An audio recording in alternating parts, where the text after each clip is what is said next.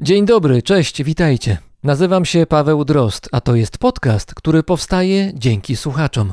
Więcej informacji znajdziecie na patronite.pl.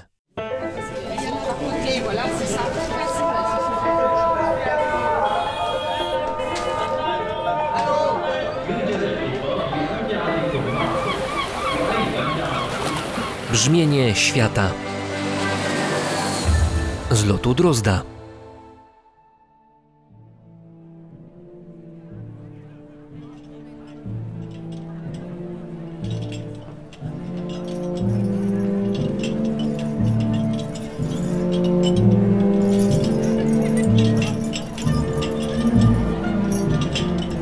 Szedł z podniesioną głową. Niczego nie żałował. Żaden z tych, którzy stali teraz w tłumie i patrzyli na niego z mieszaniną trwogi i fascynacji, nie odwiedził tyle miejsc i nie przeżył tyle co on. Żaden też nie był tak jak on bogaty, chociaż teraz nie miało to już znaczenia. Był 7 lipca 1730 roku. Olivier Lavasseur widział kres swojej wędrówki. Widział jednym okiem, ponieważ drugie zakrywała przepaska. Przed nim stał wysoki na ponad metr drewniany podest, do którego prowadziła krótka drabina. Z krańców podestu wyrastały dwie pionowe belki, połączone u góry solidną poprzeczką. Zwisał z niej sznur. Mimo, że łańcuchy na nogach boleśnie wbijały się w skórę, Lavasseur uśmiechnął się na ten widok. Sam lepiej by tej pętli nie przygotował. Profesjonalna robota.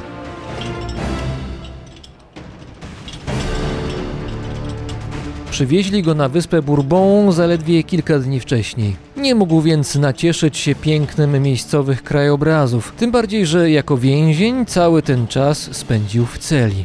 Oprócz tej krótkiej chwili, gdy zaprowadzono go przed oblicze gubernatora. Pierre Benoit Dumas chciał wiedzieć, gdzie to jest, ale Lavasseur nie puścił pary z gęby. Wszedł na podest, a kat umieścił na jego szyi pętlę. Gdy na kościelnej wieży zegar zaczął wybijać piątą po południu, jednooki skazaniec sięgnął za koszulę i wyciągnął schowaną tam kartkę. Rzucił ją w zgromadzony wokół szubienicy tłum, krzycząc: Moje skarby, dla tego, kto zrozumie.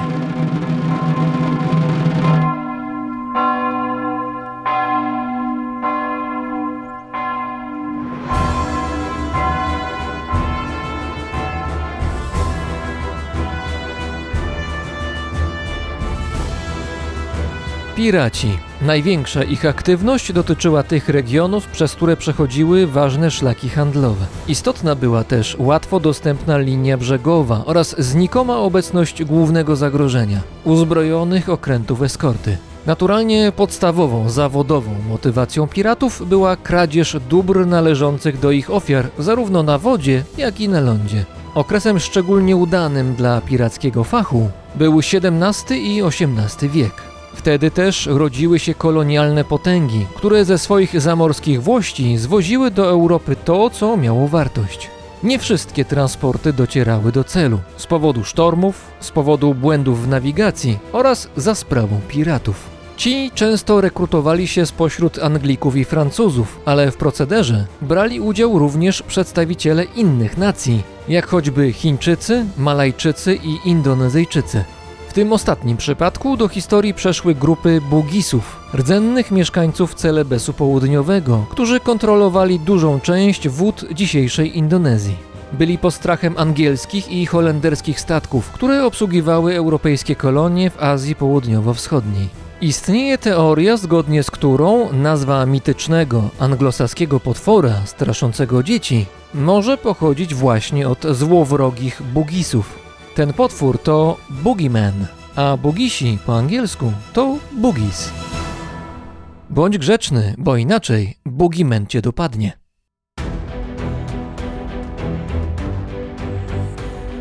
W Azji, obok Bugisów, groźne były statki dowodzone przez Tuan Kuabbasa. Był to pirat malajskiego pochodzenia, którego można było spotkać w XIX wieku na Morzu Południowochińskim. Kilkadziesiąt lat przed nim po okolicznych wodach pływał Chińczyk Cheng Po-cai, który za bazę obrał dzisiejszy Hongkong. W szczycie swojej potęgi dowodził armią piratów liczącą powyżej 100 tysięcy ludzi i pod względem siły zbrojnej uznawany jest za jednego z najpotężniejszych piratów w historii. Niewiele słabsza była Chen Yi Sao, która razem z mężem prowadziła na wodzie piracki interes. Gdy małżonek przeszedł do zaświatów, samodzielnie zarządzała setkami okrętów. Pod koniec życia przeszła na emeryturę, a umarła śmiercią naturalną. Chen Yi Sao nie była jedyną słynną piratką w historii. Ponad 200 lat wcześniej na Starym Kontynencie żyła Grace O'Malley. Była to Irlandka, która przez jej rodaków uznawana jest za bohaterkę narodową, ponieważ na celu miała przede wszystkim Anglików. Należała do wpływowego rodu o żeglarskich tradycjach. Była wykształcona, znała kilka języków i przejawiała talenty zarówno w walce z bronią w ręku, jak i w polityce. Anglicy długo nie mogli sobie z nią poradzić, aż pewien angielski gubernator zaatakował z innej strony. Uwięził jej synów. Chcąc ich uwolnić, Grace O'Malley pojechała do Greenwich, gdzie przebywała Elżbieta I. Inteligencją oraz pewnością siebie zrobiła na królowej duże wrażenie. Ta obiecała złagodzić swoją politykę w Irlandii i uwolnić więźniów, w zamian za co O'Malley miała zaprzestać ataków na statki pod angielską banderą. Później jednak Elżbieta I zmieniła zdanie, więc Grace O'Malley wróciła do gry jako królowa piratów. Pod swoją komendą zjednoczyła irlandzkie klany, które przez kilka lat nękały statki i porty angielskich najeźdźców.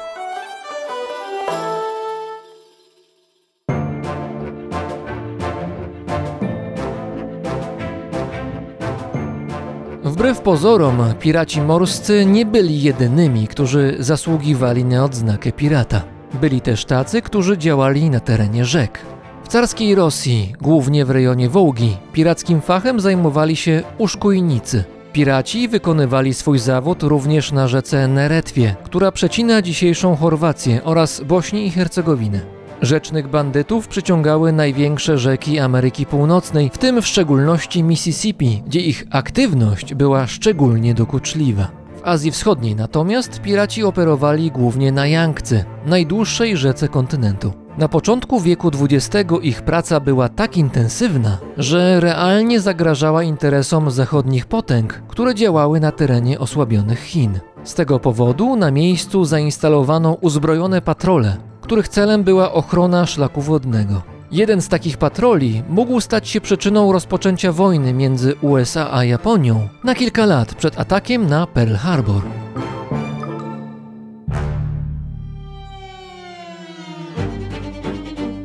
USS Panay był kanonierką w służbie amerykańskiej floty od 1927 roku. Statek o kodzie PR-5 uzbrojony był w dwa ciężkie karabiny maszynowe oraz osiem karabinów o mniejszym kalibrze. Głównym zadaniem PR-5 była ochrona amerykańskich jednostek na Yangtze oraz szerzej amerykańskich obywateli i interesów USA w regionie. Podobnych amerykańskich kanonierek pływało na Yangtze co najmniej kilka. Gdy w 1937 roku Japonia zaatakowała Chiny, chińską partyzantkę wsparły Stany Zjednoczone. W tym samym roku japońskie lotnictwo rozpoczęło serię nalotów na jednostki pływające na Yangtze. Mogli nie wiedzieć, że znajdowały się tam również statki i okręty amerykańskie, w tym PR-5, czyli kanonierka Panay. 12 grudnia japońskie bombowce i myśliwce zaatakowały. Panay był w tym czasie na kotwicy, więc okazał się łatwym celem, mimo że Amerykanie odpowiedzieli ogniem. W wyniku nalotu zginęło kilku marynarzy oraz włoski dziennikarz, który był wtedy na pokładzie. Japończycy mieli pecha. Wśród pasażerów amerykańskiego okrętu znajdowali się dziennikarze z USA, w tym dwóch operatorów kamery. Na taśmie filmowej utrwalili bombardowanie, ewakuację oraz chwilę, gdy USS Panay poszedł na dno. Nagranie jest dostępne online, na przykład na YouTubie. Zatopienie amerykańskiej jednostki doprowadziło do ostrej reakcji Waszyngtonu oraz wzburzenia amerykańskiej opinii publicznej, która na własne oczy mogła zobaczyć krwawy japoński atak. Tokio przyznało się do winy, jednak tłumaczyło się pomyłką. Ponoć z dużej odległości piloci nie rozpoznali amerykańskiej flagi, która przypominała nieco ówczesną flagę chińską. Japończycy zgodzili się wypłacić bardzo duże odszkodowanie i sprawę uznano za zamkniętą. Nie na długo. Niemal dokładnie 4 lata później Japonia zaatakowała Stany Zjednoczone.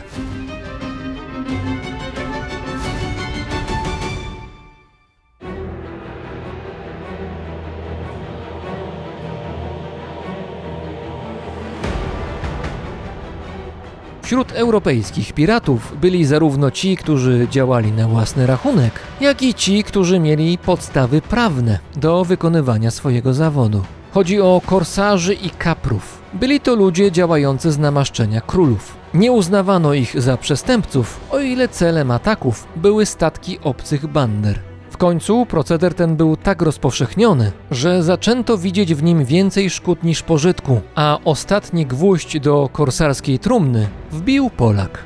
Hrabia Aleksander Kolonna Walewski był synem Napoleona Bonaparte i Marii Walewskiej. Do siódmego roku życia mieszkał we Francji, gdzie ojciec postarał się, by potomek miał zapewnioną dostatnią przyszłość. Później młody Aleksander trafił do Warszawy, do Królestwa Kongresowego pod rządami Rosji. W 1831 roku hrabia wziął udział w powstaniu listopadowym, a dwa lata później wrócił do Francji, gdzie rozpoczął wojskową i polityczną karierę.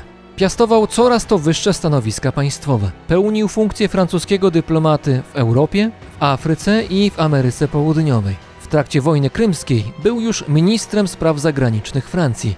Gdy w 1856 roku podpisywano kończący wojnę traktat paryski, hrabia Walewski zasugerował, by przy okazji rozwiązać jeszcze jeden problem. Tak powstała deklaracja paryska. Na jej mocy sygnatariusze, a chodziło głównie o Francję i Anglię, zdecydowali się na całkowite zakazanie korsarstwa i kaperstwa.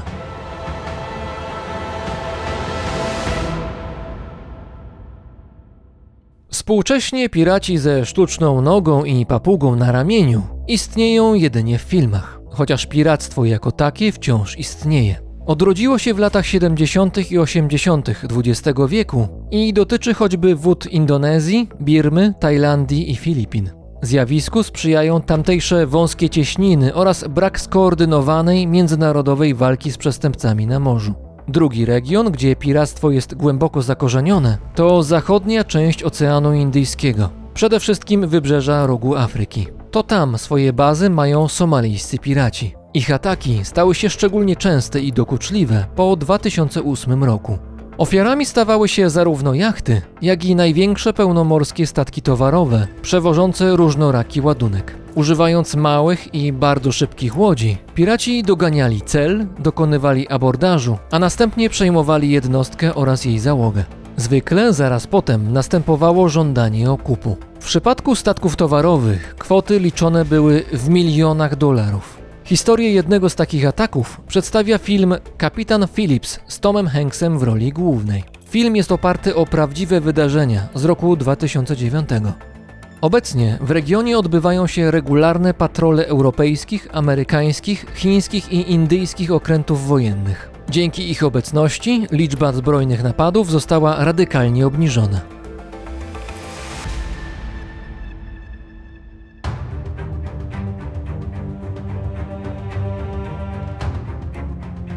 Piraci w zachodniej części Oceanu Indyjskiego byli aktywni na długo przed atakami przestępców z Somalii. W XVIII wieku wielu z nich działało w rejonie archipelagu Maskarenów, przede wszystkim przy wyspach Mauritius i Bourbon. Jednym z najsłynniejszych piratów tego akwenu był człowiek znany jako Labus, myszołów. W rzeczywistości nazywał się Olivier Lavasseur. Swój przydomek zawdzięczał szybkości i zdecydowanym atakom, które przepuszczał na swoje ofiary na morzu. W odróżnieniu od wielu piratów, pochodził z dobrej rodziny i miał znakomite wykształcenie. Na początku XVIII wieku, w czasie wojny o koronę Hiszpanii, pływał jako samodzielny kapitan na usługach króla Francji, co de facto czyniło go korsarzem.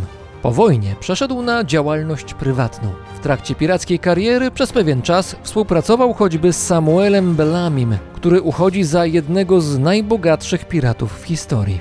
Olivier Lavasseur, myszołów, Działał przede wszystkim u wybrzeży Brazylii, na Karaibach, a następnie w Zatoce Gwinejskiej, u wrót dzisiejszego Beninu. Czasie jednego z morskich napadów myszołów został poważnie ranny w oko i wkrótce potem zaczął nosić na oku przepaskę, jak na prawdziwego pirata przystało. Później Lavasseur przeniósł się w okolice Madagaskaru i to tam dokonał swojej najsłynniejszej grabieży.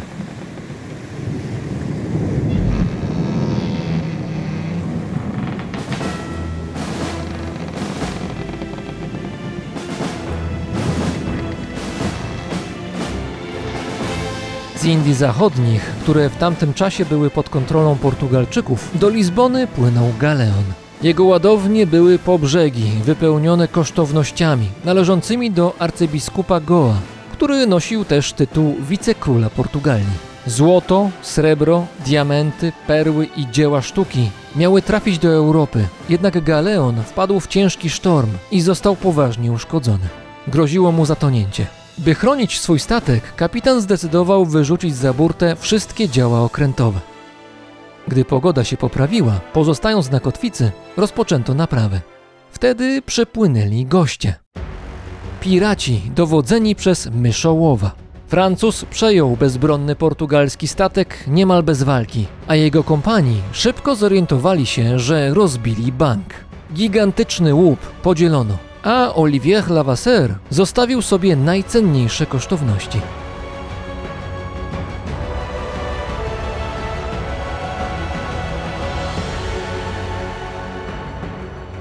Kilka lat później, zmęczony pracą ściganego przestępcy, zaproponował francuskim władzom na wyspie Bourbon, że porzuci fach, jeśli obejmie go amnestia. Takiej amnestii skorzystało przed nim wielu piratów pływających na Oceanie Indyjskim. Jednak Olivier Lavasseur był tym, który przejął niezwykle cenny galeon i nie mógł liczyć na pobłażliwość wymiaru sprawiedliwości. Do ugody nie doszło. Trzymając się na uboczu, Myszołów próbował najmować się do uczciwej żeglarskiej pracy jako przewodnik. Podczas jednego ze zleceń został jednak rozpoznany, aresztowany i przewieziony na wyspę Bourbon. Tam w 1730 roku jednookiego pirata skazano na śmierć przez powieszenie. Tuż przed egzekucją miał rzucić do zgromadzonych gapiów kartkę. Był to szyfrogram, którym podobno zapisał miejsce ukrycia kosztowności z portugalskiego galeonu. Szyfrogram ten do dzisiaj próbują zrozumieć poszukiwacze skarbów.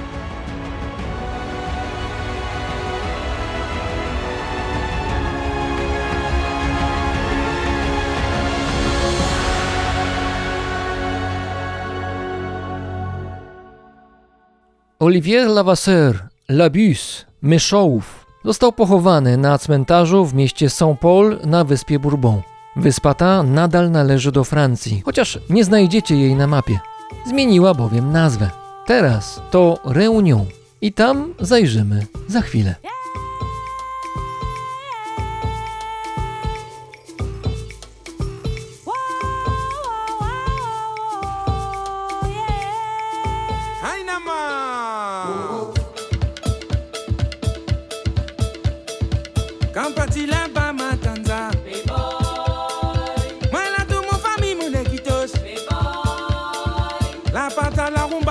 salarié. T'es vraiment trop joli la casbana. Sauf qu'elle est grande comme l'univers. Moi, parti là-bas, ma Matanza. Parti même Maloya là-bas, mon frère.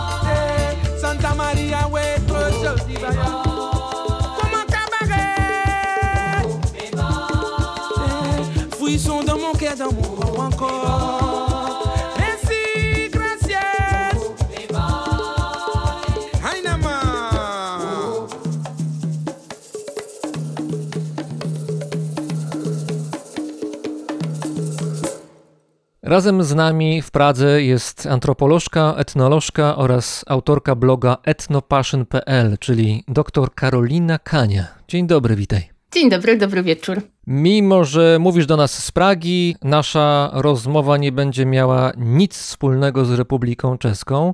No może o tyle, że również w tym kraju natknąć się można na kury i koguty, ale no może po kolei. Karolinę na pewno kojarzycie z jej badań na Nowej Kaledonii, francuskim terytorium zamorskim na Pacyfiku, ale zajmowała się też wcześniej badaniami na Oceanie Indyjskim, konkretnie na wyspie Reunion, która leży na wschód od Madagaskaru.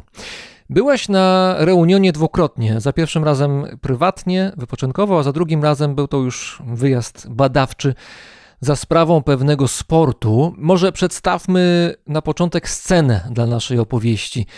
Reunion to nie jest Francja, ale jednocześnie Francja jest. Jaki status formalny ma Reunion? Reunion ma status Departamentu Zamorskiego Francji od 1946 roku. Wcześniej był francuską kolonią. I w przeciwieństwie do innych miejsc, które podbili Francuzi w czasach kolonialnych, na przykład Nowej Kaledonii, którą się zajmuje badawczo, czy Polinezji Francuskiej, gdzie zamieszkiwali autochtoni, czyli zanim Francuzi dopłynęli do tych wysp i je podbili, skolonizowali, była już tam ludność lokalna, rdzenna. Tak w przypadku Reunionu takiej ludności nie było, bo nikt na Reunionie nie mieszkał i kiedy w XVII wieku Francuzi dopłynęli do wyspy i postanowili ją skolonizować, nie musieli stawiać czoła rdzennym mieszkańcom, którzy, jak możemy się domyślać, byliby pewną przeszkodą na drodze do podbicia tych terenów. Myślę, że powinnaś jeszcze przy okazji, oprócz etnologii, antropologii, zajmować się dyplomacją. To bardzo ładnie określiłaś. Byliby przeszkodą. No tak, no Francuzi by sobie poradzili z pewnością, jak poza nimi jeszcze inni kolonizatorzy, ale proszę kontynuuj. tak staram się tak bardzo delikatnie mówić o tych trudnych tematach, chociaż oczywiście mam swoje zdanie na temat kolonizacji i neokolonizacji. Myślę, że do tych kwestii też dzisiaj w czasie naszej rozmowy się dostaniemy. Ale tak, no, Francuzi dopłynęli do wyspy. Wyspa była niezamieszkana przez autochtonów, więc mogli zrobić na Reunionie to, co im się podobało i postanowili wykorzystać to, co wyspa miała do zaoferowania i zaczęli sprowadzać na reunion niewolników, a także robotników, którzy pracowali przy uprawie trzciny cukrowej i do dziś Nowa, Kale Nowa Kaledonia, no właśnie nie Nowa Kaledonia, tylko Reunion, jest eksporterem cukru trzcinowego, a także rumu. Możemy w polskich sklepach, supermarketach znaleźć rum i jak będziecie Państwo w sklepie, do którego chodzi się w sobotę na przykład, to można tam znaleźć produkt z tej wyspy. Francuzi sprowadzali na reunion niewolników z Afryki, z Azji Południowo-Wschodniej i z tego powodu na reunionie powstała taka bardzo duża mieszanka kulturowa i do dziś można zauważyć tą różnorodność i to jest coś, co mnie bardzo zaskoczyło, kiedy pierwszy raz wylądowałam na wyspie i była to dla mnie taka pierwsza podróż poza Europę. Nie wliczając wakacji all inclusive w krajach Magrebu. Była to dla mnie taka pierwsza dalsza podróż i zetknięcie się z tą różnorodnością, z tym, że ludzie mówią w różnych językach, jednocześnie tym, co ich łączy, jest język kreolski i język francuski. Pamiętam, że zrobiło to na mnie bardzo duże wrażenie. Miałam wtedy 19-20 lat, więc do dzisiaj pamiętam ten moment, te uczucia, które towarzyszyły mi, kiedy spacerowałam po Saint-Denis, stolicy Reunionu i kiedy widziałam na ulicy osoby o różnym kolorze skóry, doświadczałam tej różnorodności kulturowej, bo na Reunionie są również Hindusi, Chińczycy, Malgasze, czy Europejczycy, właśnie Francuzi z Francji kontynentalnej. Także to było wielką wartością tej pierwszej podróży i myślę, że to też sprawiło, że zapragnęłam poznać ten Reunion bliżej. Jeżeli chodzi jeszcze o to, co się tam widzi, jak się jest na miejscu, no to ja rozumiem, że różnorodność rysów twarzy, kolorów skóry, charakterów ludzkich widocznych po posturze, no to ja rozumiem, że tam to jest bardzo zróżnicowane, ale z drugiej strony też jak się patrzy na jakieś materiały filmowe czy na zdjęcia Saint-Denis, czyli ze stolicy Reunionu, no to trochę się ma wrażenie, jakby to było jakieś francuskie miasto w znaczeniu europejskim. Jak to wygląda z Twojej perspektywy? Tak, na pewno Saint-Denis czy Saint-Pierre, drugie największe miasto Reunionu na południu wyspy, są dość podobne do europejskich, może nie metropolii, bo to mimo wszystko są miasteczka. No, na całym Reunionie mieszka około 850 tysięcy mieszkańców, tyle co w niejednym większym polskim mieście. Oni są rozłożeni równomiernie po całym wybrzeżu, poza południowo-wschodnią częścią gdzie jest Piton de la Fournaise, jeden z najbardziej aktywnych wulkanów na świecie. No i poza centrum wyspy, gdzie znajdują się doliny, trzy doliny, Mafat, Silaos i Salazi i tam mniej osób mieszka ze względu też na trudne warunki, bo do dziś żywność jest tam dostarczana helikopterami, czy śmieci, które zostawiają turyści są wywożone helikopterami. A ludność właśnie mieszka w tych miasteczkach na wybrzeżu. I to, co przyciąga tam Francuzów z Francji kontynentalnej, którzy przeprowadzają się na wyspę, czy to na stałe, na całe życie, bo spotkałam takie osoby, które przyjechały na kilka miesięcy, kilka lat i zdecydowały się zostać na stałe, jak i takich, którzy przyjechali właśnie na rok, dwa z takim planem, że wykorzystam to mieszkanie na wyspie, pozwiedzam sobie okolice czyli okoliczne wyspy Mauritius, Madagaskar, Seszele, kraje Afryki Południowo-Wschodniej i potem pożyję, pobawię się i wrócę do Francji. Dla tych ludzi te małe miasteczka myślę, że mogą przypominać śródziemnomorskie miasteczka Francji czy Włoch, gdzie po skończonej pracy czujemy się już jak na wakacjach Możemy 15 minut, pół godziny samochodem od miejsca zamieszkania znaleźć się w tropikalnym lesie, w górach, u stóp wulkanu albo na rajskiej plaży.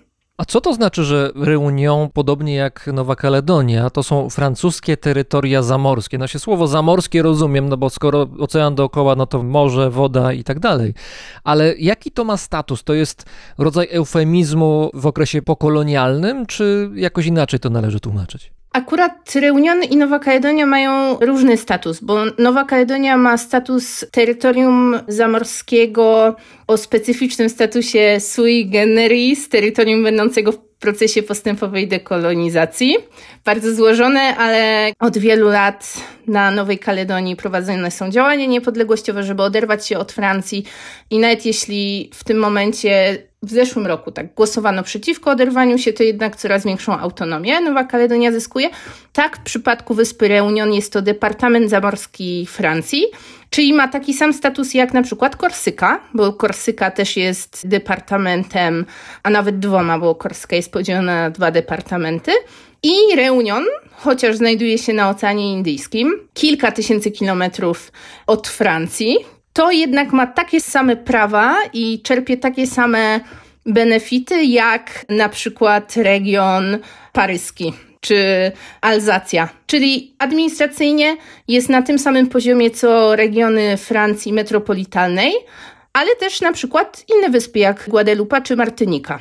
Czyli jak jestem na Reunionie, to jestem w Unii Europejskiej formalnie? Dokładnie tak. Można polecieć na reunion z dowodem osobistym.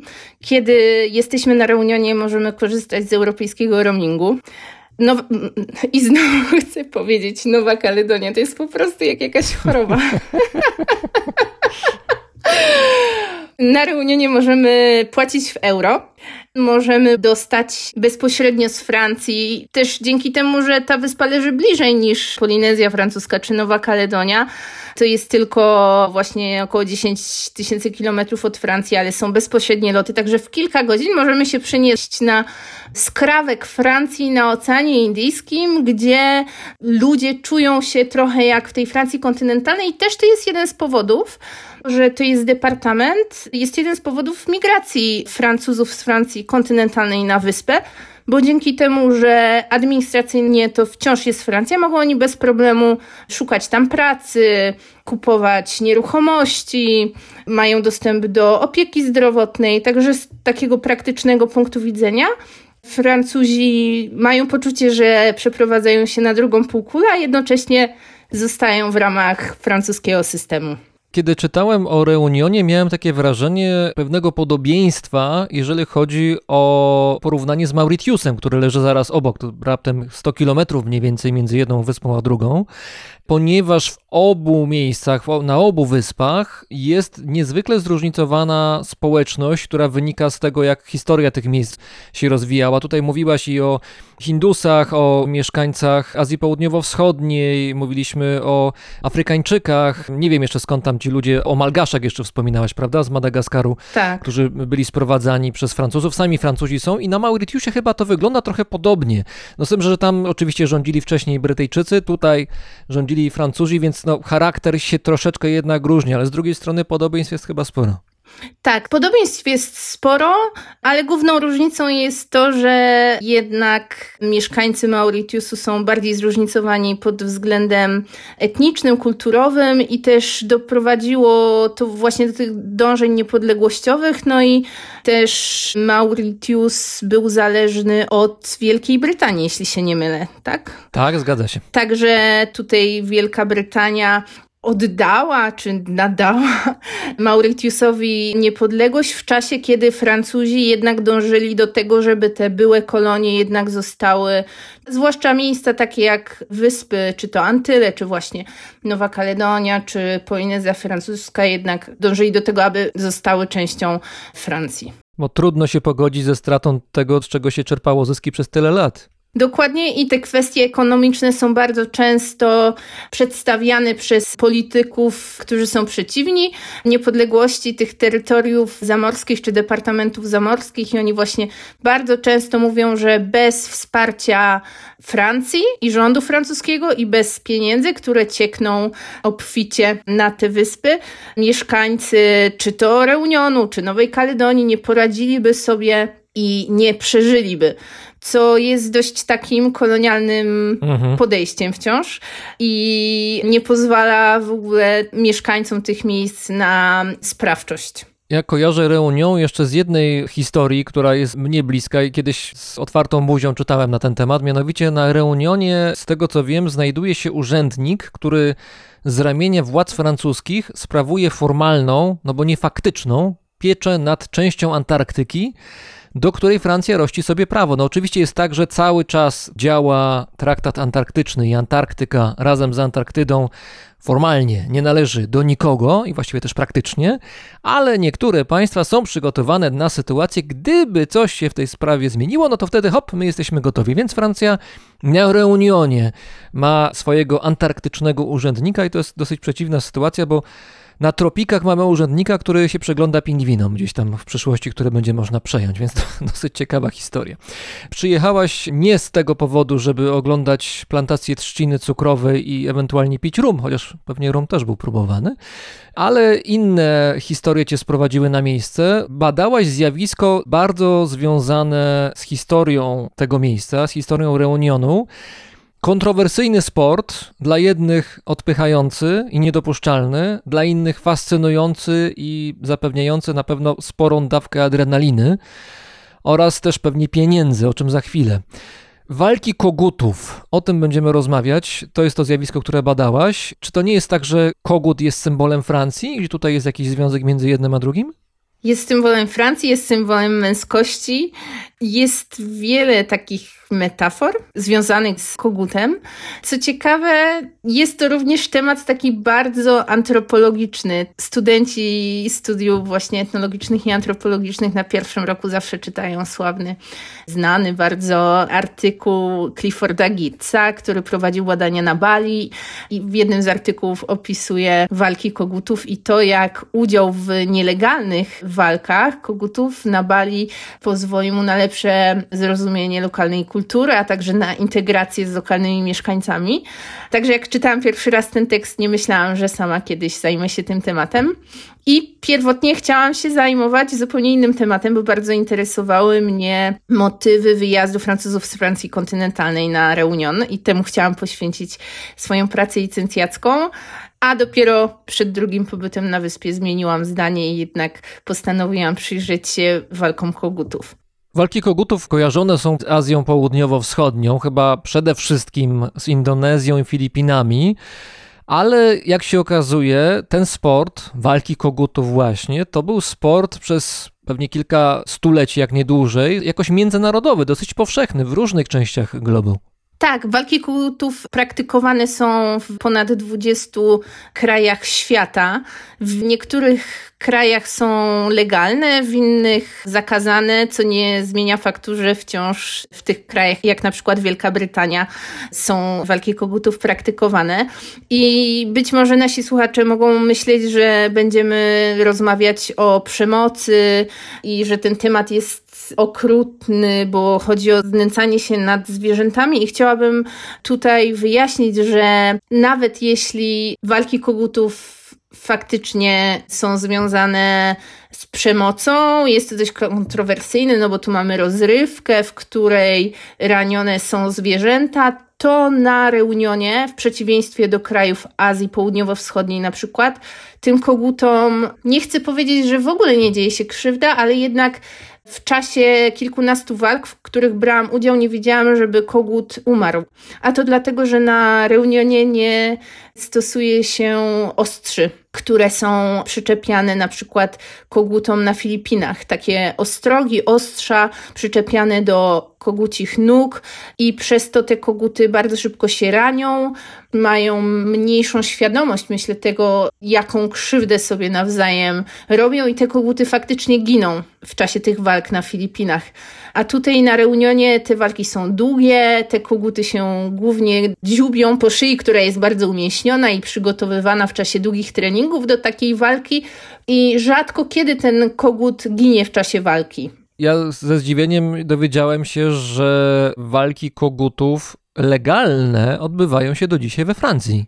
Tak, w północnych regionach Francji, Le Nord i Pas-de-Calais odbywają się walki kogutów i obejmuje je to samo prawo, które dotyczy walk kogutów na Reunionie. Jest to ustawa z 1964 roku, która zezwala na walki kogutów w miejscach, w których odbywają się one nieprzerwanie i zgodnie z tradycją.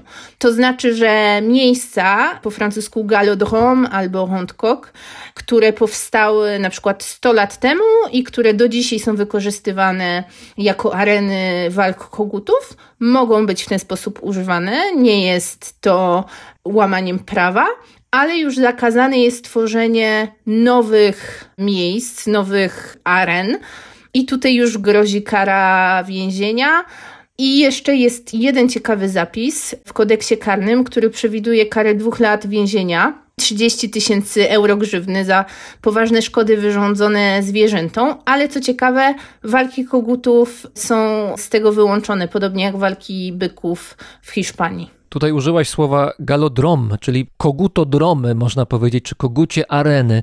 Jak wyglądają te miejsca, w których odbywają się zawody kogutów? Jak wygląda to miejsce, gdzie przychodzą widzowie, fani, nie wiem, no, właściciele tych zwierząt, po to, żeby te zwierzęta wystawić do walki? To jest kawałek klepiska gdzieś na rogatkach miasta czy wsi? Czy tak to wygląda? Czy to wystarczy, czy to wygląda jakoś poważniej? Te miejsca są różne. Fascynującą częścią moich badań były poszukiwania tych miejsc, bo to nie są miejsca, które są zaznaczone na turystycznej mapie Reunionu.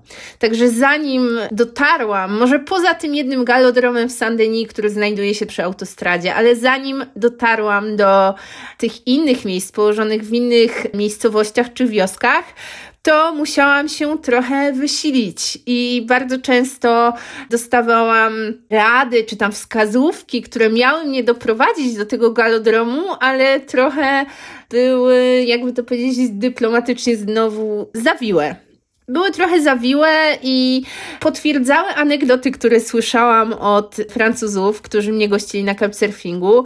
Wielu z nich pracowało na Reunionie jako fizjoterapeuci i opowiadali mi o tym, jak trudno dogadać się z kreolami, szukając drogi, konkretnego miejsca, domu. I wskazówki, które słyszałam, szukając tych galodromów, brzmiały: za trzecim polem trzciny cukrowej w lewo, za piątym mangowcem w prawo i tak dalej, i tak dalej. Także tutaj te odniesienie do przestrzeni było bardzo związane z tym, jak tam wygląda ta e, rzeczywistość, ta otaczająca nas natura. I my, z naszego punktu widzenia, gdzie skręcamy za którymś budynkiem, na którymś skrzyżowaniu, gdzie mamy nazwy ulic, nie jesteśmy w ogóle do tego przyzwyczajeni. Więc też to poczucie przestrzeni było zupełnie inne i moi rozmówcy mówili mi, no tam kilometr, półtora kilometra i po prawej stronie będzie ten galodrom, a ja szłam na przykład 4-5 kilometrów i dopiero znajdowałam ten galodrom. Także nastęczyło mi to niemało trudności, żeby znaleźć te miejsca, ale przynajmniej potem satysfakcja z tego, że w końcu tam dotarłam, była większa. I przy okazji poznałaś trochę wyspy. To na pewno. Tak jak w zacytowanym przeze mnie zapisie francuskiego prawa, powinno się wykorzystywać te galodromy, które już istnieją od stuleci. To nie znaczy wcale, że nie ma takich klepisk pod drzewem, gdzie ludzie spotykają się nielegalnie, bo te miejsca nie są zgodne z tradycją i prawem. Na Reunionie istnieje pięć oficjalnych aren a kolejnych kilka, kilkanaście, kilkadziesiąt, nie wiem, bo tego nie zbadałam, ile jest tych miejsc nielegalnych, ale istnieje sobie właśnie w wioskach, miasteczkach, pewnie w tych dolinach, gdzie mieszkańcy mogą się spotykać niezgodnie z prawem. A jak wyglądają takie miejsca? Pierwsze miejsce, do którego dotarłam, to był galodrom w Saint-Denis, w stolicy wyspy, i on znajduje się przy autostradzie prowadzącej z Saint-Denis w stronę Saint-Paul, kolejnego dużego miasta Reunionu, miasta portowego. I ten galodrom znajduje się przy autostradzie, czyli naprawdę trzeba być ślepym, żeby go nie zauważyć. Co ciekawe, kiedy pojechałam tam z znajomym, który gościł mnie w ramach couchsurfingu w Saint-Denis i który mieszkał od 20 lat na Reunionie, to powiedział mi, że wiedział, że takie miejsce tam jest, ale w sumie nigdy aż tak się nie interesował i pierwszy raz dopiero ze mną zdecydował się pójść i obejrzeć te walki kogutów. Także z jednej strony mamy takie blaszane shopy, często mają one namalowane graffiti przedstawiające koguty. Znajdują się one w jakiejś tam niedalekiej odległości od centrum, Albo mamy też właśnie te nielegalne miejsca pod drzewem, czy właśnie gdzieś tam ukryte w wiosce. I trafiłam do takiego jednego miejsca pod drzewem, gdzie były zainstalowane lampy, świetne oświetlenie. Walki zaczęły się po zmroku, jakoś po 21 trwały do pierwszej w nocy i w walkach brały udział dzieci, dwóch chłopców, nie wiem, około 10-13 lat i mieli swoje koguty, które walczyły o późnej porze. Był środek tygodnia. Mam nadzieję, że ci chłopcy następnego dnia szli do szkoły. Pamiętam, że byłam wtedy tym faktem dość tak zaskoczona, może nawet zbulwersowana, że jak to tutaj sport, w którym są jednak jakieś tam domieszki przemocy, gdzie jest hazard, bo bardzo często walkom kogutów towarzyszą gry karciane, zakłady i właśnie zakłady, które są nielegalne i w tym wszystkim te dzieci. Także pamiętam, że to było duże zaskoczenie. Swoją drogą jestem ciekaw, jak bardzo koguty mają ochotę walczyć o tak późnej porze. Ja co prawda nie jestem jakimś specjalistą od kogutów, kur i zwierząt latających, ale mam takie poczucie, że koguty raczej jak jest ciemno, to śpią.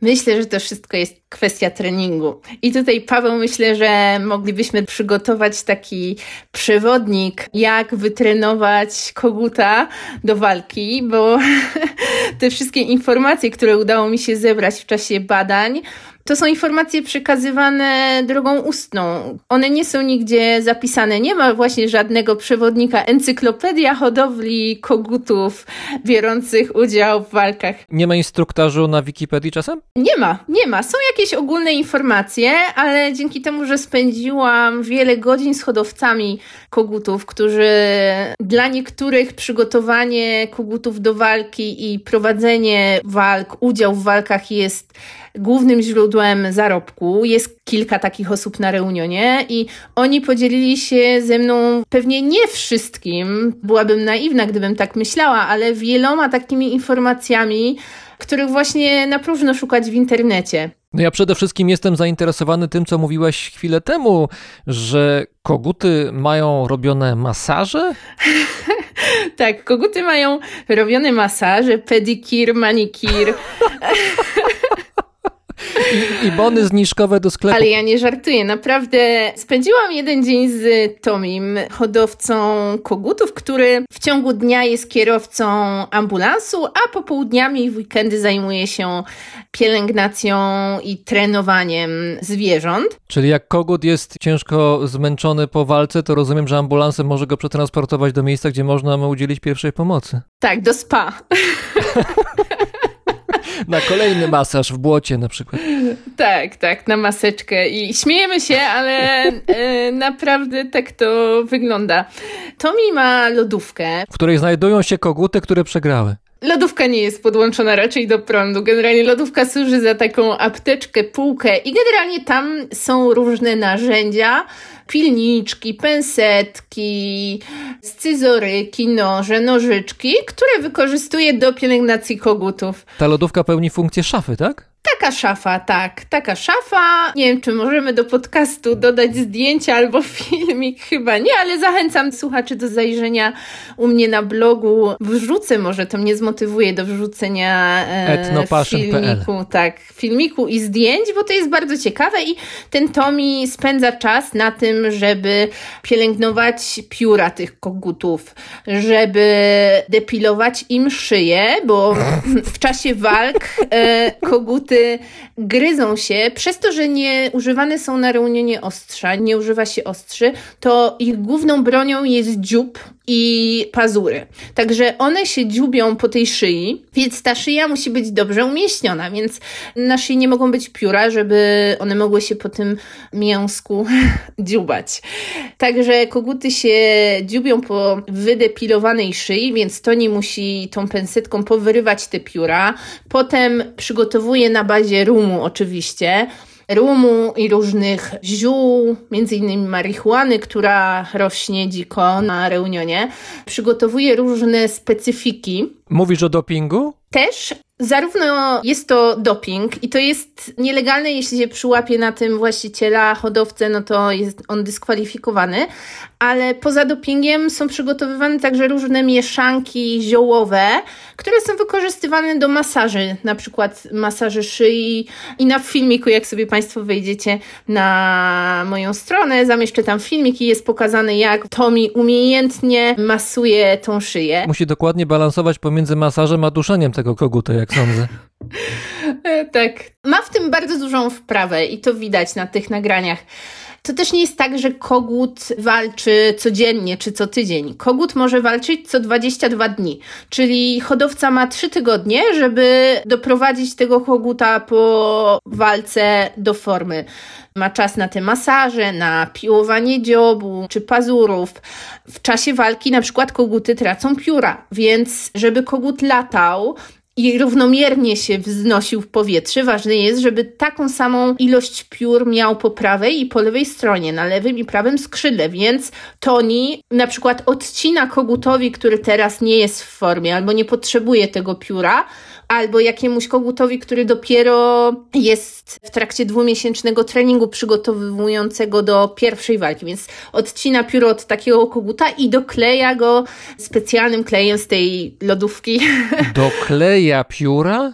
Tak, dokleja pióra. I jest jeszcze jeden taki trik, również nielegalny, ale wykorzystywany przez niektórych hodowców. Jeśli mamy świetnego koguta, mamy czempiona po prostu, który no miażdży wszystkich przeciwników, ale ich właściciele, no już znają go, wiedzą jaką ten kogut ma taktykę, jak się zachowuje. To, co może zrobić hodowca, to zmienić kolor piór, pofarbować tego koguta i może pojechać na inny galodrom niż jeździ zazwyczaj, po to, żeby widzowie i przeciwnicy nie poznali, że to jest ten czempion. Ale znowu, jeśli to wypłynie, no to hodowca jest dyskwalifikowany z zawodów.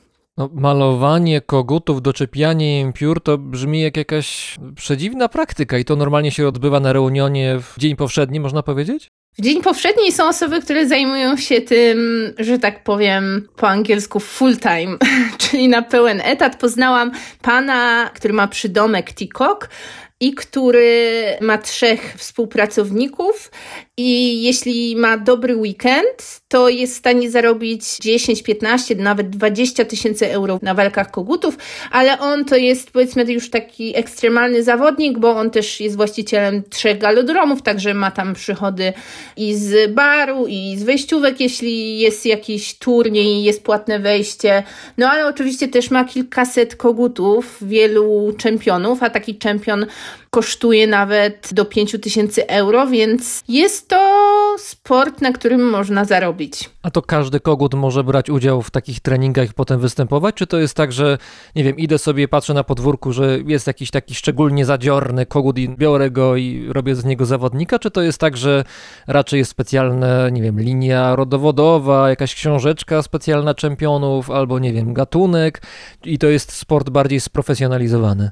Teoretycznie każdy kogut mógłby wziąć w tym udział, ale chodzi o to, żeby tego koguta do tego odpowiednio przygotować, więc to nie jest takie hop żeby tego koguta wyszkolić. Trening koguta trwa dwa miesiące. Ci hodowcy, którzy mają tych kogutów kilkaset, przygotowują te koguty od małego i od małego je obserwują ich zachowania, to jak się zachowują w grupie, to jak się zachowują jeden na jeden. I z tych kilkudziesięciu czy kilkuset kogutów jest wybieranych kilka, które potem przechodzą taki intensywny dwumiesięczny trening przygotowujący do pierwszej rozgrywki. Także teoretycznie moglibyśmy pojawić się w takim galodrom z naszym kogutem. Pytanie, jak dobrze bylibyśmy przygotowani, bo walki kogutów to jest pasja przekazywana z pokolenia na pokolenie. Ojcowie, jeśli mają synów, no to zależy im na tym, żeby ci synowie od najmłodszych lat brali udział w walkach, obserwowali walki, uczyli się właśnie tego podejścia, bo nie ma podręcznika, który powie nam hodowla kogutów do walk od A do Z. To jest coś, czego trzeba się nauczyć właśnie poprzez obserwację, poprzez pomaganie ojcu w przygotowywaniu do rozgrywek i dzięki temu potem właśnie ci chłopcy, nawet jeśli już mają tylko kilkanaście lat, jeszcze nie są pełnoletni, już próbują swoich możliwości, stawiają pierwsze kroki w tym sporcie. Cały czas rozmawiamy o walkach kogutów w kontekście badań antropologicznych, badań etnograficznych, które Karolina Kania robiła na Reunionie. Przyjrzyjmy się jeszcze samej walce, ale może nie jeszcze, bo interesuje mnie sam trening jeszcze zanim walka nastąpi. Wspomniałaś o tym, że Dwa miesiące chyba taki trening trwa. Co się w tym czasie robi, oprócz tego, że masuje nieustannie szyję tego koguta i kogut jest zadowolony i szczęśliwy, że ma masażystę profesjonalnego, ale oprócz tego co się dzieje? Jak mogę zachęcić koguta do tego, żeby chciał walczyć ewentualnie z przeciwnikiem? Teraz jeszcze sprawdziłam w moich notatkach, że ten pierwszy trening, zanim ten kogut po raz pierwszy pojawi się na arenie, trwa trzy miesiące, nie dwa miesiące. Przez te trzy miesiące kogut no, jest stresowany. Koguty, kury to są bardzo mądre zwierzęta. Kiedyś się zdziwiłam, jak byłam na Nowej Kaledonii. Poznałam takie dwie francuskie, które miały kurkę. One sobie ją wychowywały i ta kurka żyła z nimi, jeździła z nimi na wycieczki, zwiedzała Nową Kaledonię.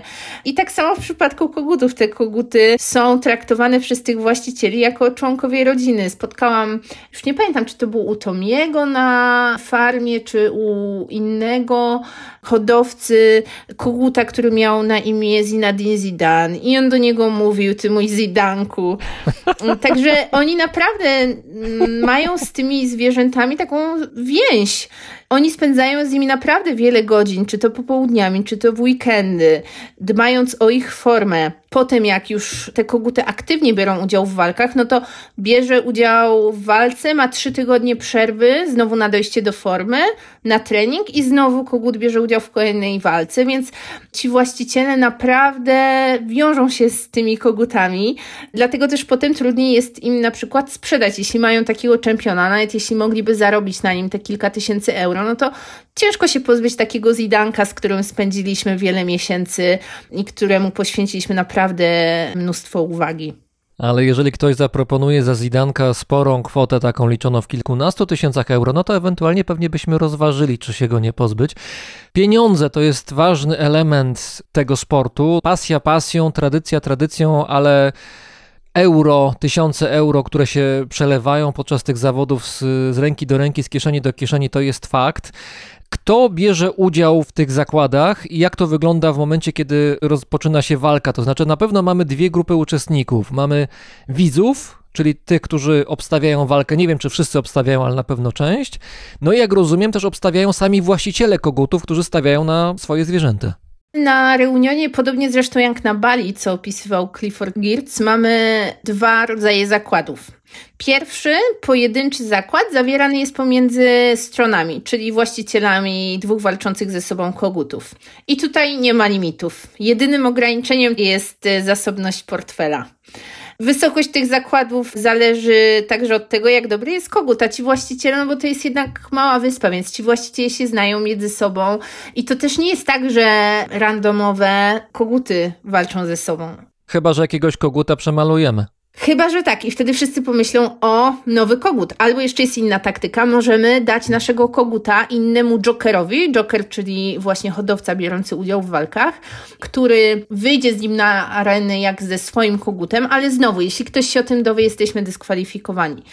Mamy tutaj dwa koguty, które zostały wybrane dość precyzyjnie na podstawie wagi, wzrostu. Ten wybór to też jest część tego przedstawienia, bo możemy potraktować ten galodrom i tą arenę jako taką scenę, na którą wychodzą aktorzy, czyli właściciele kogutów z walczącymi kogutami. No i mamy też kulisy. I za tymi kulisami dzieje się bardzo wiele, wiele rzeczy. Już od wczesnych godzin popołudniowych, nawet jeśli walki zaczynają się pod wieczór, to dla mężczyzn arena jest miejscem, gdzie mogą się spotkać ze znajomymi, z rodziną, bo często w obrębie rodziny, czy to kuzyn, czy szwagier też bierze udział w walkach, także oni przyjeżdżają wcześniej. Ale mężczyźni dominują. Tak, tak. Dominują mężczyźni. Jedyne kobiety, które widziałam w czasie walk, to były panie, które obsługiwały bar, bo zazwyczaj przy galodromie jest bar, gdzie można kupić piwo, łódka z kurczaka, jakieś słodkości, bo bardzo często mężczyźni też przyprowadzają ze sobą dzieci, także jedyne kobiety to były te panie, które prowadziły bar. Także mamy tych mężczyzn, którzy docierają wcześniej, porównują swoje koguty, mierzą, ważą, żeby znaleźć odpowiednich przeciwników, no i potem zawierają te główne zakłady. I ten zakład może wynosić 10-20 euro, a może dochodzić nawet do 10 tysięcy euro. Ale co ważne, ten zakład musi być równy, czyli obu tych jokerów, hodowców daje taką samą sumę. Pieniądze z zakładu trafiają do rąk sędziego, bo w czasie każdej walki jest obecny na arenie sędzia, który po zakończeniu walki ma za zadanie wypłacić zwycięzcy nagrodę. Oprócz tego głównego zakładu, zgromadzeni wokół widzowie mogą zawierać zakłady poboczne. I tutaj już, jeśli byłbyś na arenie, czy gdybym ja była na arenie, mogę wziąć w tym udział. Jednak ja się nie odważyłam w czasie moich pobytów i obserwacji, bo te zakłady odbywają się bardzo szybko. w języku kreolskim, więc też trzeba nabyć wprawy, żeby brać w tym udział. A ktoś nad tym panuje, nad tymi zakładami? Osoba, która pełni taką funkcję porządkową i pilnuje, że jeżeli ktoś przegra, to ma wypłacić zwycięzcy wygraną? Tutaj wierzymy w to, że ludzie są uczciwi i że przegrany przyjdzie z pieniędzmi do wygranego. I ludzie zakładają się, siedząc wokół areny, zakładają się poprzez przekrzykiwanie się w języku kreolskim między sobą.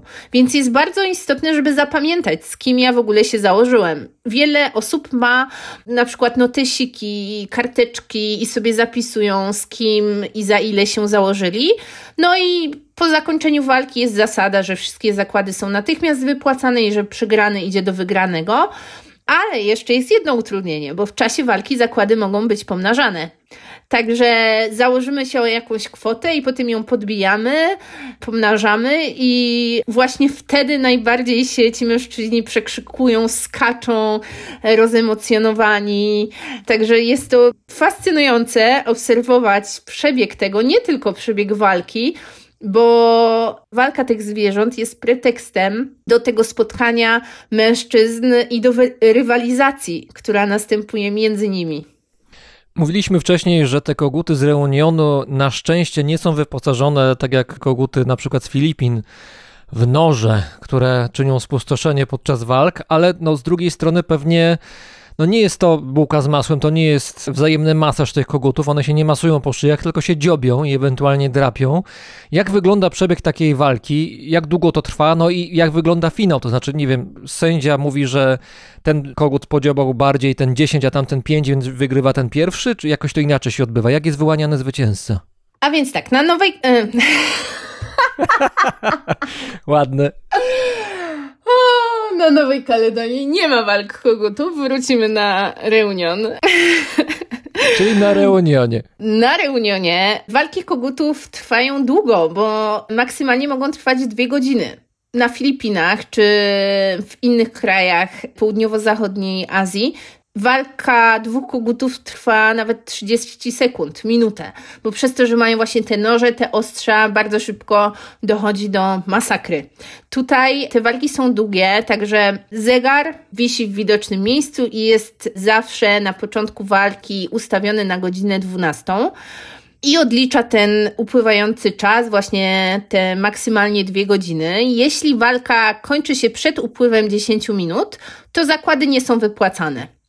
Jeśli po dwóch godzinach rozgrywek wciąż nie ma zwycięzcy, wtedy walka jest anulowana, a pieniądze zwraca się właścicielom. Ale jakim cudem przez dwie godziny z jednej strony koguty są w stanie na siebie naskakiwać, a z drugiej strony widownie jest w stanie wytrzymać w jednym miejscu i patrzeć? Przecież to musi być potwornie nudne. Dwie godziny? No właśnie, to nie jest tak, że oni siedzą i kontemplują, jak gdyby byli w teatrze czy w operze.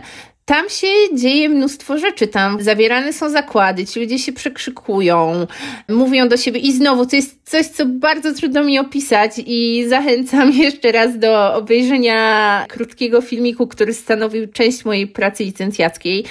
I można zobaczyć, ile emocji towarzyszy tym rozgrywkom, że tam są naprawdę przeróżne emocje. Tam jest frustracja, tam jest radość, tam jest olbrzymia złość, smutek, to wszystko to jest jak takie dwugodzinne przedstawienie, w czasie którego aktorami są nie tylko ci właściciele walczących kogutów, ale także widzowie, którzy siedzą i którzy aktywnie biorą udział w tych rozgrywkach właśnie poprzez zawieranie zakładów, czy po walkach na przykład poprzez granie w karty i znowu zawieranie zakładów grając w karty. Na pewno nikt się tam nie nudzi. A jeśli jeszcze w czasie walki pojawia się antropolożka, biała kobieta, młoda, która zaczyna się interesować tym sportem, no to w ogóle już nie ma nudy wtedy. No dobrze, to teraz tak, mamy walkę, koguty dziobią się, coś tam jeszcze sobie robią. Jak bardzo ta krzywda jest tutaj u zwierząt widoczna, to znaczy jak bardzo te zwierzęta, mówiąc krótko, poranione wychodzą z takiej walki, kiedy sędzia przerywa walkę? Zasady bardzo często umieszczone są na kawałku tektury, czy jakimś podartym kawałku papieru, przyczepione w jakimś widocznym miejscu w galodromie, na arenie, bo bardzo ważne jest, żeby wszyscy wiedzieli, jak walka będzie przebiegać i co można robić, czego się nie powinno robić. Co do tego, kiedy pojedynek się kończy, to w czasie trwania walki, jeśli jeden z dwóch kogutów znacznie wyjdzie na prowadzenie, walka nie może być wtedy anulowana.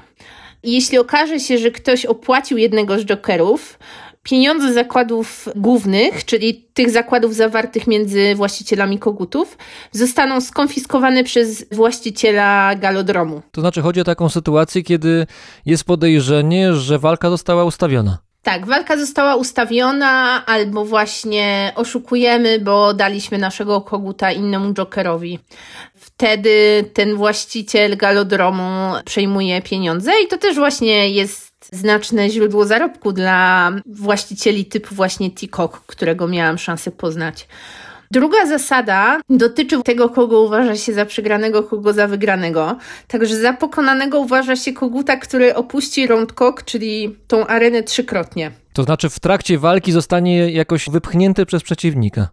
Tak, albo sam się wycofa właśnie pod naporem tego przeciwnika i jeśli trzy razy to zrobi, to wtedy jest pokonany. Czyli ta walka wcale nie musi trwać dwóch godzin. Jeśli się to stanie w pierwszych 10 minutach, to nie, tak jak wspominałam, to wtedy się nie liczy, ale jeśli w pierwszej pół godzinie to się na przykład dzieje, no to już mamy jasnego zwycięzcę. I jeszcze jedna zasada, pokonany jest także kogut, który zaczyna krzyczeć powalony na ziemię. I może nie będę, nie będę naśladować tego, jak brzmi taki krzyk koguci, ale chodzi o to, że ten kogut ma przytłoczoną szyję do ziemi, jest powalony, nie jest w stanie się ruszyć i ten jego przeciwnik zyskuje nad nim dominację. To jeszcze powiedz, w jakim stanie te koguty wychodzą z takich walk, no bo to brzmi trochę tak jak starcie gladiatorów, a jak wiemy, żywot gladiatorów może był czasami chwalebny, ale raczej krótki. Nie widziałam nigdy na reunionie martwego koguta. Na Filipinach tak, bo miałam szansę zobaczyć walki kogutów na Filipinach, to tam nie zdążyłam wyciągnąć aparatu i już było po walce. Tam te walki, przez to, że tam są te ostrza, bardzo szybko przebiegały, te koguty kończyły no, w fatalnym stanie, pewnie lądowały następnego dnia w garnku i był z nich przygotowywany obiad. Tutaj te koguty, nawet jeśli były poturbowane, poranione, to właśnie dlatego miały trzy tygodnie, żeby przygotować się do kolejnej walki, żeby wydobrzeć i znowu móc stanąć do walki.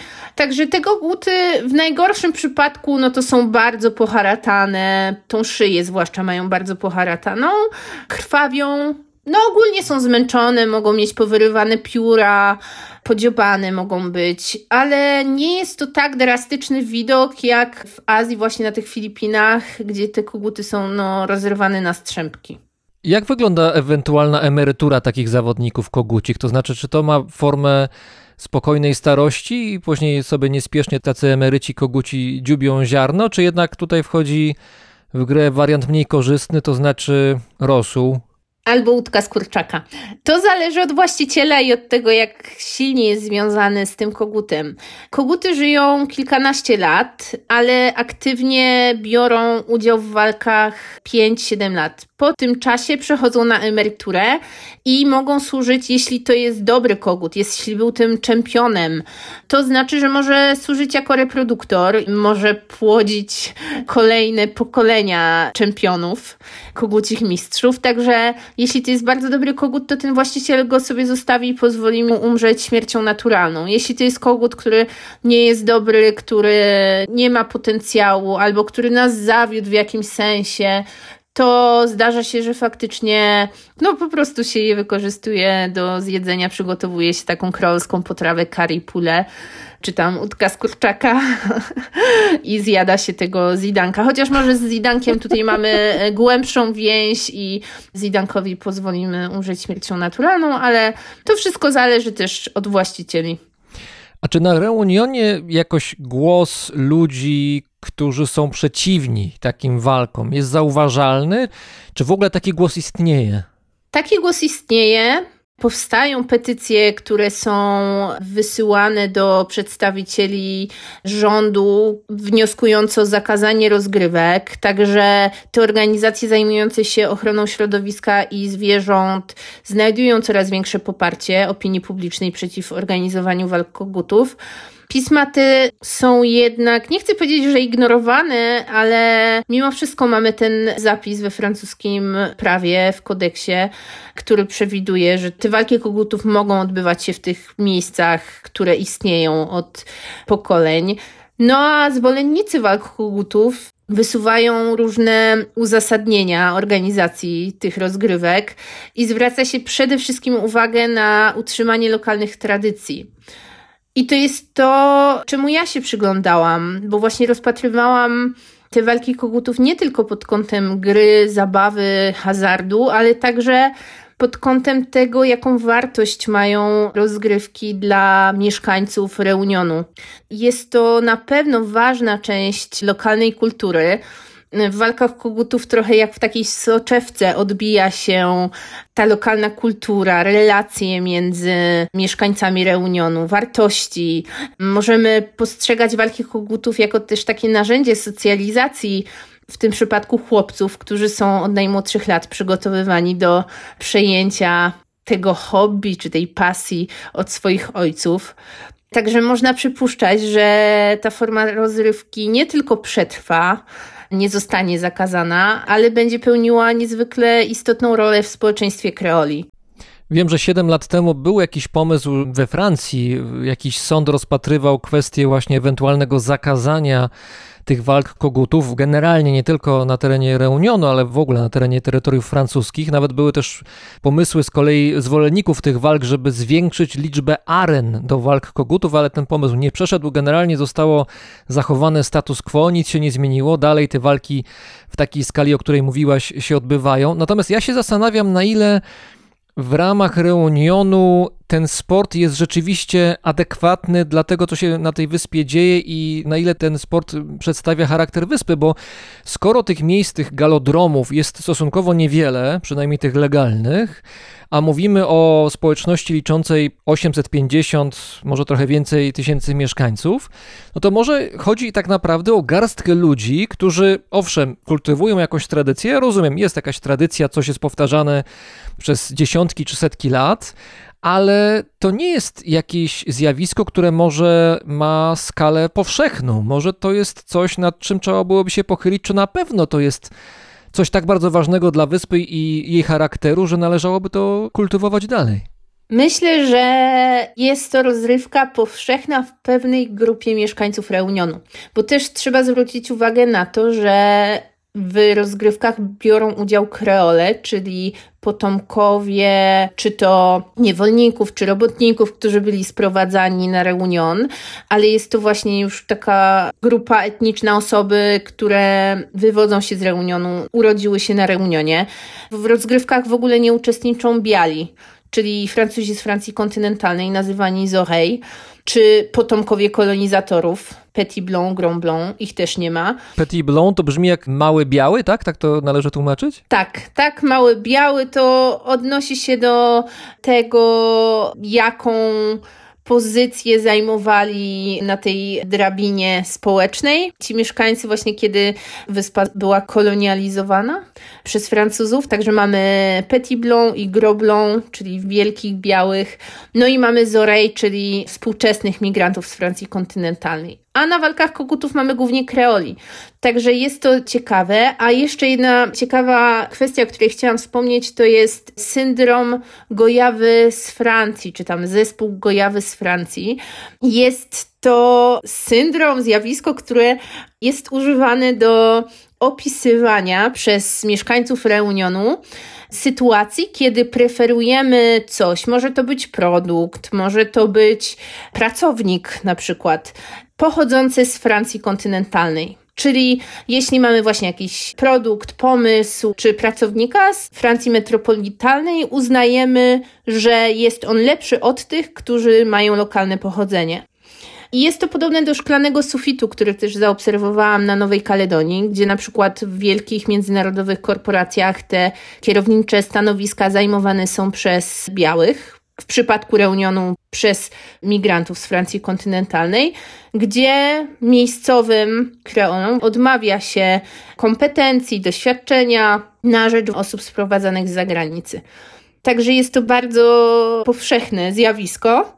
I myślę, że ciekawe jest takie porównanie tych walk kogutów, tego, kto bierze w nich udział, na przykład z tym, jak wygląda zatrudnienie w wielkich firmach typu, nie wiem, Orange, bank francuski, Carrefour, gdzie te kierownicze stanowiska zajmują Francuzi z Francji kontynentalnej.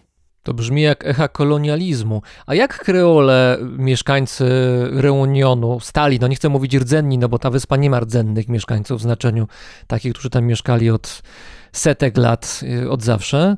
Jak ci kreole patrzą na Francuzów, na nowo przybyłych? To znaczy, jak zwracają uwagę na na tych imigrantów, którzy przyjeżdżają sobie czy to na kilka lat, czy na, na stałe na wyspę i chcą się stać mieszkańcami nowymi? Myślę, że wszystko zależy od podejścia tych przyjezdnych. Od tego, na ile przyjezdni wyrażają chęć do tego, żeby się zintegrować z mieszkańcami wyspy. I to odnosi się nie tylko do Reunionu, ale także do innych terytoriów zamorskich Francji, czy w ogóle miejsc dawnych kolonii, gdzie ekspaci lubią się przeprowadzać. Na przykład Francuzi mają łatwość w przeniesieniu się do takiej Tunezji, Maroka, na Reunion, na Nową Kaledonię, niż na przykład do krajów niefrancuskojęzycznych. I to wszystko zależy od tego, jak oni będą się zachowywać. Czy będą powielać te kolonialne wzorce, czy będą poniżać swoich współpracowników właśnie przez na przykład preferowanie i zatrudnianie osób przyjezdnych, czy będą starały się zintegrować. I spotkałam osoby, które miały doświadczenie też z życia i pracy w innych terytoriach zamorskich Francji, na przykład w Gujanie francuskiej czy na Martynice, i mówili, że na tym reunionie jednak przez to, że to społeczeństwo jest mocno skreolizowane i nie ma tam rdzennej ludności, to jest im jako właśnie białym Europejczykom, Europejczykom, Reunionczycy też są Europejczykami, ale osobom z Francji kontynentalnej jest łatwiej się zintegrować i dojść do porozumienia z kreolami niż na przykład z ludami rdzennymi z Gujany Francuskiej. Są to subiektywne doświadczenia, ale bardzo często właśnie na to zwracano uwagę. Miałam też możliwość spotkania się z nauczycielami, którzy dzięki swojej profesji mają troszkę łatwiejszy dostęp do takiego lokalnego życia, do takiej codzienności, normalności. I bardzo chwalili sobie, też to myślę, że może potwierdzić fakt, że wielu z moich rozmówców, których poznałam kilkanaście lat temu, no bo pierwszy raz byłam na reunii w 2000 2011 roku. Wciąż tam mieszka, wciąż, wciąż jest na reunionie i postanowili właśnie tam zapuścić korzenie. Opowiadałaś nam o reunionie i o walkach kogutów z perspektywy badaczki, etnolożki, antropolożki kultury, a jak patrzyłaś na to, co oglądasz oczami zwykłej osoby, która patrzy na jakieś zjawisko, niekoniecznie zakładając okulary badawcze? Nie wiem, czy w ogóle można wyjść z tej roli obserwacji właśnie antropologicznej czy etnograficznej. Innymi słowy, czy wybrałabyś się na takie walki kogutów, gdybyś nie miała takiej profesji, jaką masz? Tutaj odniosę się do słów profesora Macieja Kurcza, który był zresztą moim promotorem, którego serdecznie pozdrawiam i który towarzyszył mi w tym procesie analizy danych, pisania tej pracy i który w czasie rozmowy z Tobą powiedział, że jak jest w Sudanie, no to ciągle jest tym antropologiem, że ciężko mu wyjść właśnie z tej roli pozycji właśnie badacza, który ciągle obserwuje i tak naprawdę każda rozmowa jest dla nas w czasie takich pobytów jakimś wywiadem, nawet jeśli to jest rozmowa nieformalna, to i tak y, sobie w głowie tam kodujemy, zapisujemy i potem wykorzystujemy te informacje w naszych analizach, także bardzo ciężko odpowiedzieć mi na to pytanie, bo myślę, że nawet jak już pierwszy raz byłam na Reunionie, kiedy jechałam tam bardziej w celach takich turystycznych, to już z tyłu głowy miałam plan, że chciałabym się badawczo zająć jakimś tematem dotyczącym wyspy i już wtedy nawet zwiedzając czysto turystycznie, opalając się na plaży i nie poświęcając tyle czasu na wywiady, co w czasie kolejnego pobytu, już miałam włączony taki tryb etnolożka w terenie. Także tutaj zacytuję słowa jednej profesor, z którą miałam zajęcia we Francji, która powiedziała, że ona już nie potrafi tak po prostu podróżować, że to jest tak silne, to obserwowanie tego, co nas otacza, analizowanie, dopytywanie, szukanie znaczeń, że każdy wyjazd, nawet jeśli myślimy, że a, polecimy gdzieś odpocząć, wyłączyć się, kończy się tak, że i tak analizujemy to, co jest wokół nas. Klątwa etnologii. Tak, można, można tak powiedzieć. Razem z nami była antropolożka, etnolożka oraz autorka bloga etnopassion.pl, czyli dr Karolina Kania. Bardzo dziękuję. Dziękuję i pozdrawiam. Ah, Recommencer, au fond ce serait la même. Gauche ou droite, on ne fait qu'avancer. Chacun sa route, moi j'ai la mienne. Qu'elle soit de strass ou pleine de facéties, qu'elle passe par la gauche ou la tessie. C'est pas la route qui me fait, mais moi qui décide où je ferai. Mais il serait temps d'aller plus haut, conjurer le sort.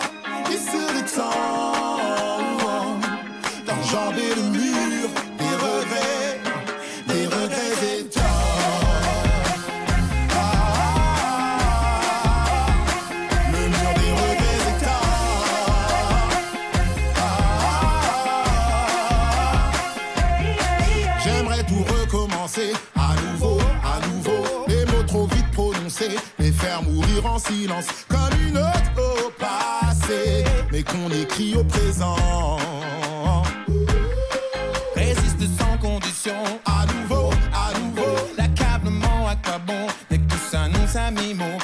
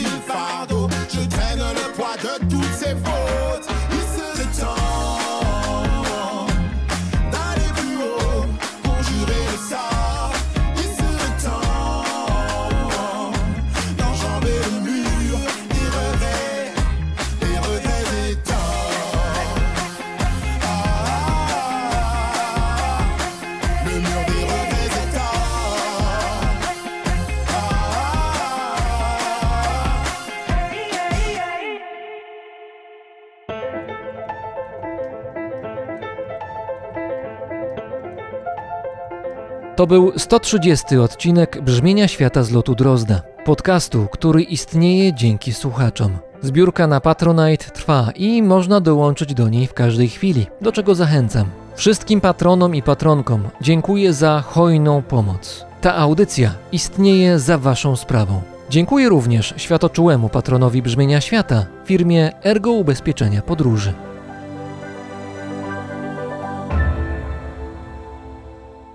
Paweł Drozd, czyli ja, mówi Wam dobrego dnia.